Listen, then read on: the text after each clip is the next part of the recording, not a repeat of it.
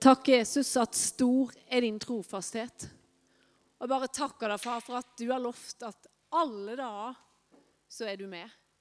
Om vi er oppe eller om vi er nede, far. Du kjenner oss, men jeg takker deg for ditt løfte og din trofasthet. Jeg bare priser deg for det, far. Jeg takker deg for din trofasthet her i dette møtet. Takk at du er her sammen med oss, far. Og jeg takker deg, far, for at eh, du er hos eh, den personen som sliter psykisk, far. Det bønnebegjæret som er kommet inn, far. Jeg bare takker deg for at du er trofast der, far. Du vet at livet kan være tøft og skjørt av og til. Men jeg bare takker deg for at du står med utstrakte armer. Du ønsker å røre med mennesker, du ønsker å røre med denne personen. Og bare komme og bekrefte og si at jeg elsker deg. Du er verdifull. Jeg ønsker å gå veien sammen med deg. Jeg ønsker å være der for deg. Takk at du er en Gud som er for oss. Jeg bare priser deg for det, far. Takk for din nåde hver eneste dag. Takk at vi skal få lov å leve i den nåden hver dag. Bare ber deg om at du skal male nåden stor for denne personen. At du skal møte den personen akkurat nå, far. At den personen bare skal oppleve seg elska, verdifull og sett av du, Gud. At du skal hjelpe med de tankene som kanskje som er vanskelige, som er mørke. At du skal komme med nytt håp, nytt liv, far. Takk at du kan det. I Jesu navn. Amen. Sto jeg den veien, ja? Fantastisk lovsang. Godt å være her. Godt å være i Guds nærvær. Det er alltid godt. Temaet i dag, overskriften, det er et tema jeg liker godt. For det temaet er nåde 100 Er du klar for å høre litt om nåde 100% Tenker Det er alltid godt å bli minnet om. Minne om den nåden. Først vil jeg snakke litt om nåden. Det er punkt én. Og så litt om nåden praktisk i vår hverdag. Og nummer tre åssen kan vi få lov å leve i den nåden? Da jeg først begynner med at eh, når jeg var liten, eh, da elska jeg å leke cowboy og indianer. Det var fryktelig gildt. Vi var en ganske stor eh, gjeng med unger oppe på Løvimos, der som jeg vokste opp. Og det var fryktelig stas og langt inn i skauen på Løvimos å leke cowboy-indianer. Jeg var ikke da heller veldig eh, stor av vekst, så jeg var den lille jenta som fikk lov å snike meg med. Og det var fryktelig stas når jeg fikk lov å være med de guttene på sånn seks år eldre. liksom. Jeg fikk lov å være med og leke cowboy-indianer. Det var fryktelig gøy. Og jeg husker Spesielt en gang så var vi langt inn i skauen i nærheten av ei høyløe. Og jeg var på cowboylaget. Av en eller annen merkelig grunn. Jeg kanskje, burde kanskje heller vært indianer. Men jeg var på cowboylaget. Og vi lå der nede i gresset og skulle snike oss inn på indianerleiren.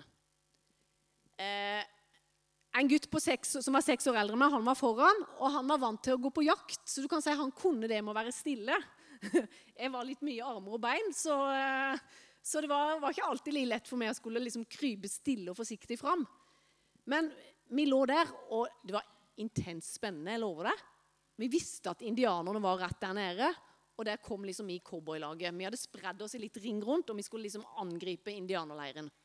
Og vi lå der og krabba, og jeg prøvde så godt jeg kunne å være stille. Og så snur han der, han der, andre gutten som var lenger foran, han snur seg så tar han tommel opp til meg. liksom. Og da kjente jeg bare Yes! yes, Jeg er godkjent som cowboyjente. Og jeg følte at dette fikser jeg, liksom. Og vi sneik oss nærmere og nærmere, og plutselig krr, hørte vi. Da var det en grein som knakk nede i indianerleiren. Vi oppdaga en indianer. Og han bare Tommel opp. Nå, liksom, nå måtte vi være stille. Nå skulle vi virkelig overraske indianerne at vi kom. Og så tusker han forsiktig.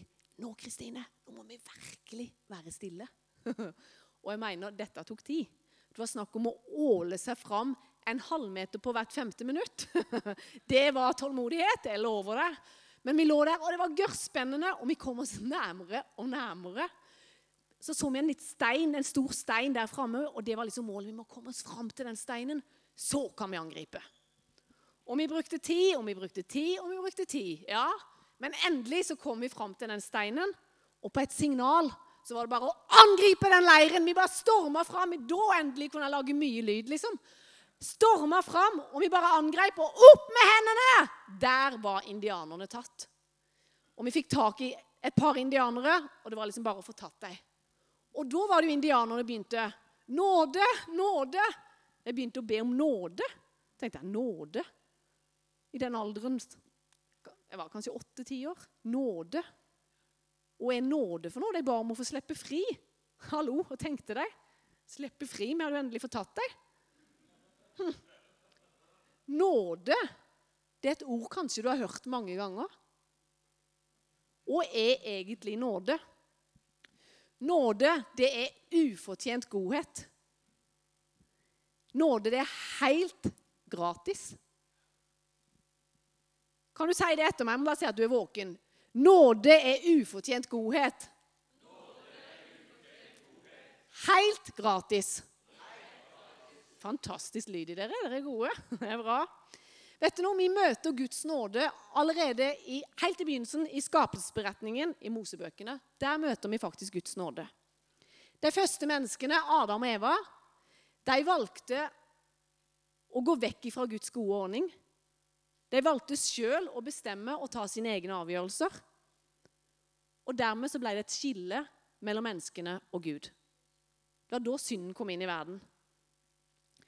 Synden den skiller oss fra Gud, som ikke kan være sammen med han. Men Gud han stoppa jo heldigvis ikke der. da. Han lot det liksom ikke ligge der. Guds nåde det er Guds godhet, Guds gave, Guds velvilje. Og Guds nåde den er slettes ikke billig. Noen kan liksom tenke at nåden den er billig. Nei, den er ikke billig, men den er gratis for du og meg. Men den kosta Gud dyrt. Den kosta Gud hans eneste sønn Jesus. Så nåden er ikke billig. I Efeserne 2,8 så står det det. For av nåde er dere frelst ved troen, og det er ikke av dere sjøl. Det er Guds gave. Ikke av gjerninger for at noen skulle rose seg. Og det kan være fryktelig vanskelig å forstå med hodet av og til. Det at liksom Jesus har gjort alt. Å tro det er ingen prestasjon. Du skal slippe å prestere. Du skal få lov å ta imot det Jesus har gjort. Det hviler ikke på oss. Ofte kan det være sånn at når jeg snakker med mennesker, både unge og eldre, så er det så ofte at 'Å, ja, men jeg må jo gjøre noe.' Snakka senest med, med en mann i sommer. Ja, men jeg må jo gjøre noe, Kristine. Det kan jo ikke bare være sånn at eh, jeg, for, jeg må jo gjøre meg fortjent til Guds nåde. Jeg må jo gjøre noe. I haugene våre så sitter jo gjerne det der eh, bildet. Jeg husker da jeg var liten, så så på Fleksnes. Han skulle uh, opp i himmelen, så sto liksom Sankt Peter der og spurte Ja vel, hva har du gjort for at du skal slippe inn her, da? Det er så fort at vi, vi tenker det kan bare ikke være gratis. Det kan ikke bare være nåde. Det er vanskelig å forstå. Og jeg tenker ja, det er bra med sjøldisiplin. Vi trenger alle noe sjøldisiplin. Jeg trenger det i mitt liv. Men det er ikke sjøldisiplinen som gjør meg rettferdig for Gud. Det er så viktig å få med seg. Nåde betyr ikke Hvorfor ler du, Ole Georg? Nåde betyr ikke at Gud ikke bryr seg om hva du og jeg gjør for noe. At han bare ser liksom mellom fingrene med synd. Nei, det er ikke så nøye. Men hør. Nøkkelen, det tror jeg er nåde, og ikke fullt av lov og bud. Før Jesus kom, da var det jo loven som herska. Tenk på det når jødene i Gammeltestamentet så er det vel eh, mange hundre bud og påbud som de skulle følge i Gammeltestamentet. Ganske heftig. Mange hundre. Men det er viktig at når du og vi leser Gammeltestamentet, så må vi òg se at her òg var Gud nådig og barmhjertig, og han tilga. Og hele Gammeltestamentet det peker fram mot en som skal komme. Der går en tydelig tråd gjennom hele Gammeltestamentet at det er en som skal komme. Og Salme 145, 8, den beskriver noe om hvem Gud er. Der står det Herren er nådig og full av barmhjertighet, sein til vrede, og han er rik på trofast kjærlighet. Jesus han kom med nådens tid. Og det er den tida du og vi lever i nå. Hvis du kikker i Lukas 4, når Jesus han var i synagogen, så åpner han eh, Bibelen, holdt jeg på å si, rullen. og så kikker han i Isaiah, så leser han. Så leser han det. Han, altså Gud, han har sendt meg for å helbrede dem som har et sønderknust hjerte, og rope ut frihet for fanger, for at blinde skal få syn igjen, for å sette undertrykte i frihet, for å rope ut et nådens år fra Herren. Var ikke det mye snadda? Det, det sier Jesus at det er det Gud sendte meg for. Og mange er det ikke som går rundt med sønderknuste hjerter, som ikke føler seg gode nok, som ikke føler seg bra nok, som er bonden, som ikke lever i frihet, som ikke har øyne som kan se seg sjøl sånn som Gud ser oss. Jeg tror vi er mange som er innom det til, til tider. Men Jesus han ønsker å rope ut et nådens år ifra Herren. Og jeg tenker Det er viktig at alle lovene, alle buda, alle reglene, de er jo sanne. Det er ikke sånn at nei, de, de er ikke sanne lenger. De er sanne, de er gitt av Gud. Og jeg tror at Gud han ga oss loven for å vise synden. For at vi skulle se det at ja, der er synd. Vi gjør synd. Men det er jo det at loven den vekker bare synd. Men nåden, den vekker lysten til å leve rent for Gud. Jeg hørte en gang en historie at det var en bonde. Han eh, drev og dyrka tomater. Og For å få den optimale tomatklasa, holdt jeg på å si, så, eh, så, hadde han drivhus. Her i Norge er det ikke alltid like mye sol. Det har vi jo erfart. Så han hadde et digert drivhus der han dyrka tomater. Og drivhus det er jo, som du vet, bare glass. Og akkurat der som det drivhuset sto, der var, det, der var det fullt av ungdommer som måtte gå forbi for de skulle til skolen. Og de ungdommene hadde gått forbi der eh, ja, den, Det drivhuset hadde vært der i mange år. Ungdomsskolen hadde vært der i mange år. Men så begynte plutselig denne bonden å tenke Tenk på de ungdommene. Tenk hvis de begynner å kaste stein på mitt drivhus. Nei, fytti katta, det kommer til å ødelegge gørrmye for min tomatvekst. Nei, dette går ikke an. Jeg må nødt jeg må nødt til å få satt opp en plakat og et skilt om at 'ikke kast tomater' på dette drivhuset. Han bare tenkte nei, nå må jeg få satt på plass de ungdommene. Jeg skal ikke ha noe av den tomat, eh, at jeg skal ødelegge denne dyrkinga mi. Jeg må få opp et skilt. Så han bestemte seg. Han satte opp et digert skilt som der sto 'Ikke kast tomat, nei, tomater. Ikke kast stein på drivhuset.' Ikke kast tomater på meg. Ikke kast stein på drivhuset. Vet du hva som skjedde? Det gikk bare noen dager, så var det jo akkurat det ungdommene gjorde. De kasta jo stein på det drivhuset. Loven, loven vekker synd. Jeg tror Hvis vi bare opplever loven, så vekker det bare synd i oss. Vet du hva jeg personlig opplever? Jo mer jeg opplever meg elska av Gud, jo mer jeg får være i hans nærhet og kjenne det at du er elska akkurat som du er, Kristine, Gud har tatt alt med at han lot Jesus dø. Du er rettferdig, du er fri, du er elska, du er god nok. Jo mer jeg opplever det i mitt liv, jo mer får jeg en lyst og lengsel etter å leve det livet som Gud ønsker at jeg skal leve. Den gode planen, den gode ordninga han har for meg. Det vekker nåden i mitt liv. Det vekker en lyst og en lengsel etter å være med på det Gud gjør. Nåden er god. Nåden er fantastisk. Vidar snakka om at vi er rettferdiggjort forrige, eller i hvert fall søndagen før der. Forrige søndag jo kanskje. Vi er rettferdiggjort. Vi er faktisk like rettferdige som Jesus. Vi er gode nok gjennom troen på Jesus. Og nåde, det er ganske radikalt. Har du tenkt over det noen gang? Det er veldig radikalt. Et annet ord Jeg måtte google litt. Et annet ord for radikalt, det er dyptgående, gjennomgripende, grundig og omstendelig. det er et annet ord for radikalt. Overskriften som jeg sa, det var 100% nåde. Med en gang du og vi begynner å ja, ok, 95% nåde, så kjører vi litt 5% lov. Det må jo være litt lov. Da begynner vi å klusse med nåden. Det er ikke det Gud hadde tenkt. Da blir det at vi strever, vi strekker ikke til, vi får det ikke til, og så opplever vi oss Nei, er ikke god nok. Jeg tror at 100% nåde det blir et liv i frihet. Da frigjøres tryggheten og vissheten i ditt og mitt liv. Det kommer ikke an på du og meg. Det holder, det Jesus gjorde. Amen. Litt praktisk og konkret om nåden. Jeg var ikke helt ferdig. Det var bare et lite punkt om nåden, altså. Jeg tror at vår forståelse av kristenlivet og menighetslivet det blir annerledes hvis vi lever det og ser det i lys av nåden. For loven, den sier ja, nå må du gjøre det og det. Ja, nå burde du gjøre det og det. Du burde jo be. Du burde jo lese mer. Du burde jo spre mer godhet. Du burde være med på mer i menigheten. Du burde fortelle andre om Jesus. Vet du noe? Jeg tror det blir lite glede i det vi gjør. Det blir ren plikt.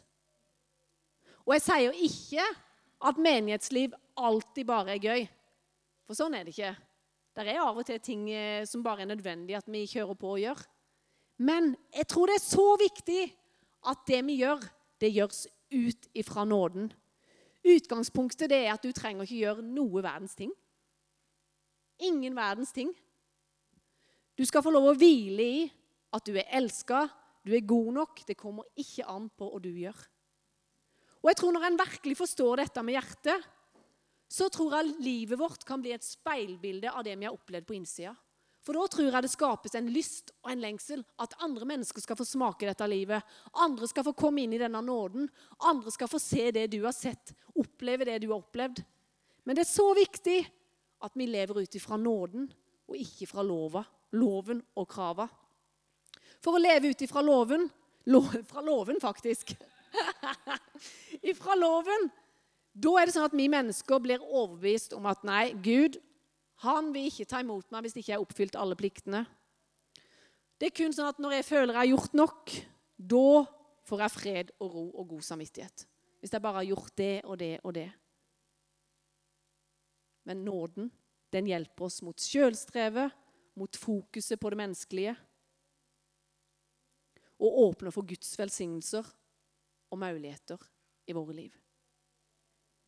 Jeg ønsker å være en storforbruker av Guds nåde. Loven den dømmer deg skyldig, men loven kan jo aldri bøte på din skade. Loven kan aldri frelse deg. Loven kom for å vise oss synden. Og jeg tror òg at loven har en oppgave i ditt og mitt liv som kristen. Det tror jeg Paulus sine motstandere de mente at i alle dager opphever han loven liksom, med, å troens, liksom, for, med troens forkynnelse.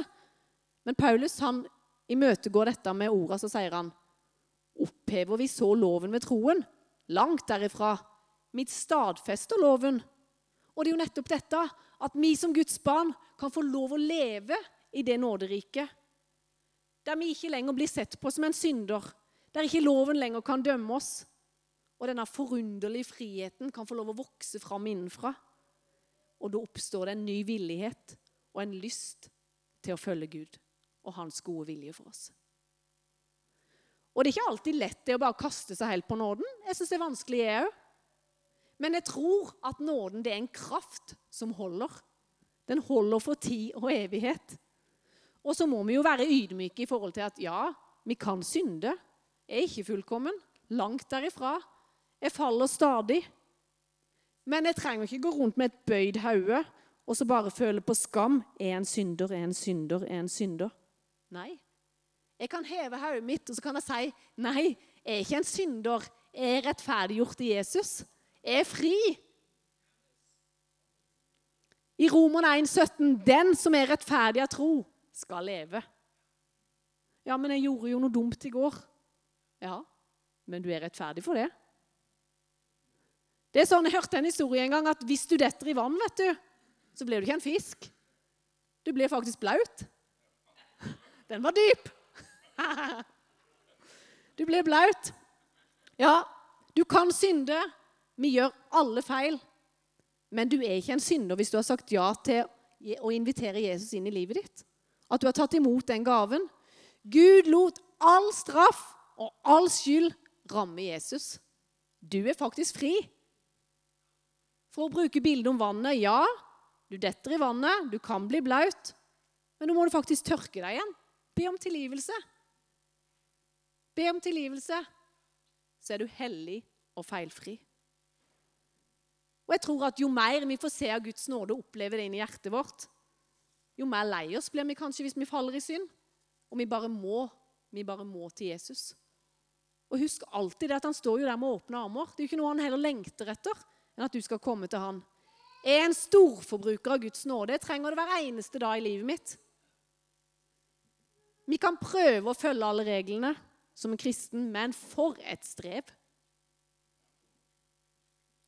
Jeg tror du og meg, vi er skapt for å elskes.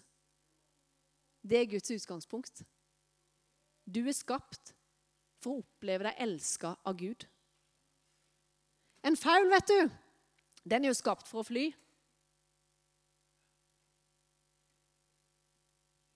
Og hvis en faul mister vingene sine, så er det ikke lett for den å fly. Jeg tror nesten det er sånn som for du og meg, at hvis ikke vi opplever det og ser det at vi er skapt for å elskes, så blir det som en vingeklippa faul. For du er skapt for å elskes. Ja, men peker ikke Gud finger mot mennesker, da? Det er jo så mye elendighet i verden. Er ikke Gud rasende på mennesker her i Norge? Er han ikke rasende på Norge og alt det som skjer her? Er ikke Gud en Gud som straffer det? Nei, jeg tror ikke Gud er en Gud som straffer. Guds frede, den rammer Jesus. Vi lever i nådens tid. Jesaja 53. Straffen ble lagt på han, Jesus, for at vi skulle ha fred. Gud peker ikke finger. Han står der med åpne armer, akkurat som det der lille bildet som ungene også skal ha i dag. Gud står der med åpne armer, og så sier han, 'Kom'. Jeg lengter etter å være sammen med deg. Kom! Men jeg tror av og til at i møte med andre mennesker så kan vi òg være i fare med å ha kanskje litt nåde, men òg mye lov. Kan vi ikke piske folk litt i gang da, til å forandre seg? Kan de ikke bare ta seg sammen, da? Kan de ikke bare se og få bedt litt mer og gjøre litt mer og oppføre seg litt annerledes? Det er fort at vi tenker sånn og ser sånn mot andre mennesker. Tenk i ditt eget liv. Får du veldig lyst til å forandre deg dersom du bare hører alt du ikke får til, alle feilene dine, alle svakhetene dine? Får du veldig lyst til å forandre deg da? Da er det fort at vi bygger opp en mur, en forsvarsmur. Jeg tror at det er bare Guds nåde som kan få du og meg inn i mer bønn, mer lyst og lengsel etter å være sammen med Han, bruke mer tid med Han men jeg tror du og vi kan velge om vi vil legge til rette for de møteplassene. At vi vil legge til rette for at vi kan få møteplasser med Gud. Der tror jeg vi kan ta noen valg. Men jeg tror bare det er nåden som kan gjøre at vi har lyst å bruke mer tid i bønn eller mer tid sammen med Gud. Han står der jo alltid med åpne armer og sier 'kom'. Siste punktet åssen kan vi leve i nåden? Tror du på nåden? Ja. Det med nåden kan, det kan være vanskelig, for det, det, er så ufattelig. Det er så stort at han har tatt alt. Jesus har gjort alt. Det kan være vanskelig. Men jeg tror viktigheten av å la Guds ord få plass i våre liv. Dersom en sliter med dette, dersom det er vanskelig å se seg sjøl og sitt eget liv og se nåden, så tror jeg det at å spise Guds ord rett og slett, vil si, Ta til seg Guds ord hver eneste dag. Be Gud vise deg. Gud, åssen er nåden? Kan du gi meg et bibelvers på, som jeg kan mate meg sjøl med, så jeg kan få lov å leve ut ifra nåden hver eneste dag? Og åssen du opplever Guds nærvær, det er jo forskjellig fra person til person. Men jeg tror vi tar noen valg der på Gud, jeg ønsker å invitere du inn i livet mitt. Jeg ønsker å lære mer av du. Jeg ønsker, Gud, at du skal få, få vise meg hvem du egentlig er, åssen nåden er.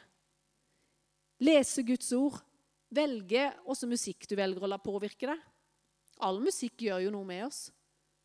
Og sier ikke det er feil å høre på alt musikk, men hvis du sliter med det med nåden, så er det mange fantastiske sanger som handler akkurat om det om Guds nåde. Velg å ta det på. Det gjør noe med oss.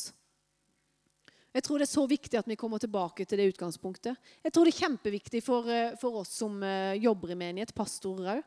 Snakka med en pastor for litt siden. Han sa at han var blitt så travelt opptatt med alle behov til mennesker rundt seg. Alt som skulle gjøres, alt som måtte gjøres, all organisering. At du kunne bli helt utslitt. Så han var nødt til å sette på en pauseknapp så var han nødt til å komme tilbake til hva handler det egentlig om. Og er utgangspunktet? Ja, det er nåden. Jeg skal få lov å hvile i Guds nåde. Vite at jeg er elska, vite at jeg er verdifull, vite at Jesus har gjort alt. Skal jeg få lov å tjene ut ifra det. Men det er så viktig å ha nåden i bånden ut ifra alt det vi gjør. Jeg vet ikke hvordan du opplever det i forhold til nåden. Men jeg tenkte la oss bruke litt tid nå på, i lovsang. Bare få lov å være i Guds nærhet. Gud er her. Gud ønsker å møte du. Han ønsker å vise sin nåde inn i ditt liv. Hvis du sliter med dette, så er vi flere. To Gunnar er med som forbeder er her andre som kan være med og be for deg. For det er ikke alltid lett det der å leve ut ifra nåden. Både se seg sjøl og se andre mennesker ut ifra nåden. Gud er her og ønsker å møte deg. Sette deg i frihet. Så la oss bare reise oss, og så er vi sammen eh, i lovsang. Er det andre behov òg, så er du hjertelig velkommen fram. Jeg bare takker deg, Gud, for at eh, du lot all straff ramme Jesus. Jeg takker deg for at vi skal få lov å se oss sjøl ut ifra nåden. Jeg takker deg for at du har tatt straffen. Vi er fri. Du har kalt oss til et liv ut i frihet. Du ønsker at sønderknuste hjerter skal bli lekt. Du ønsker at folk som er bonden av negative tanker og frykt, far, at de skal komme ut i frihet.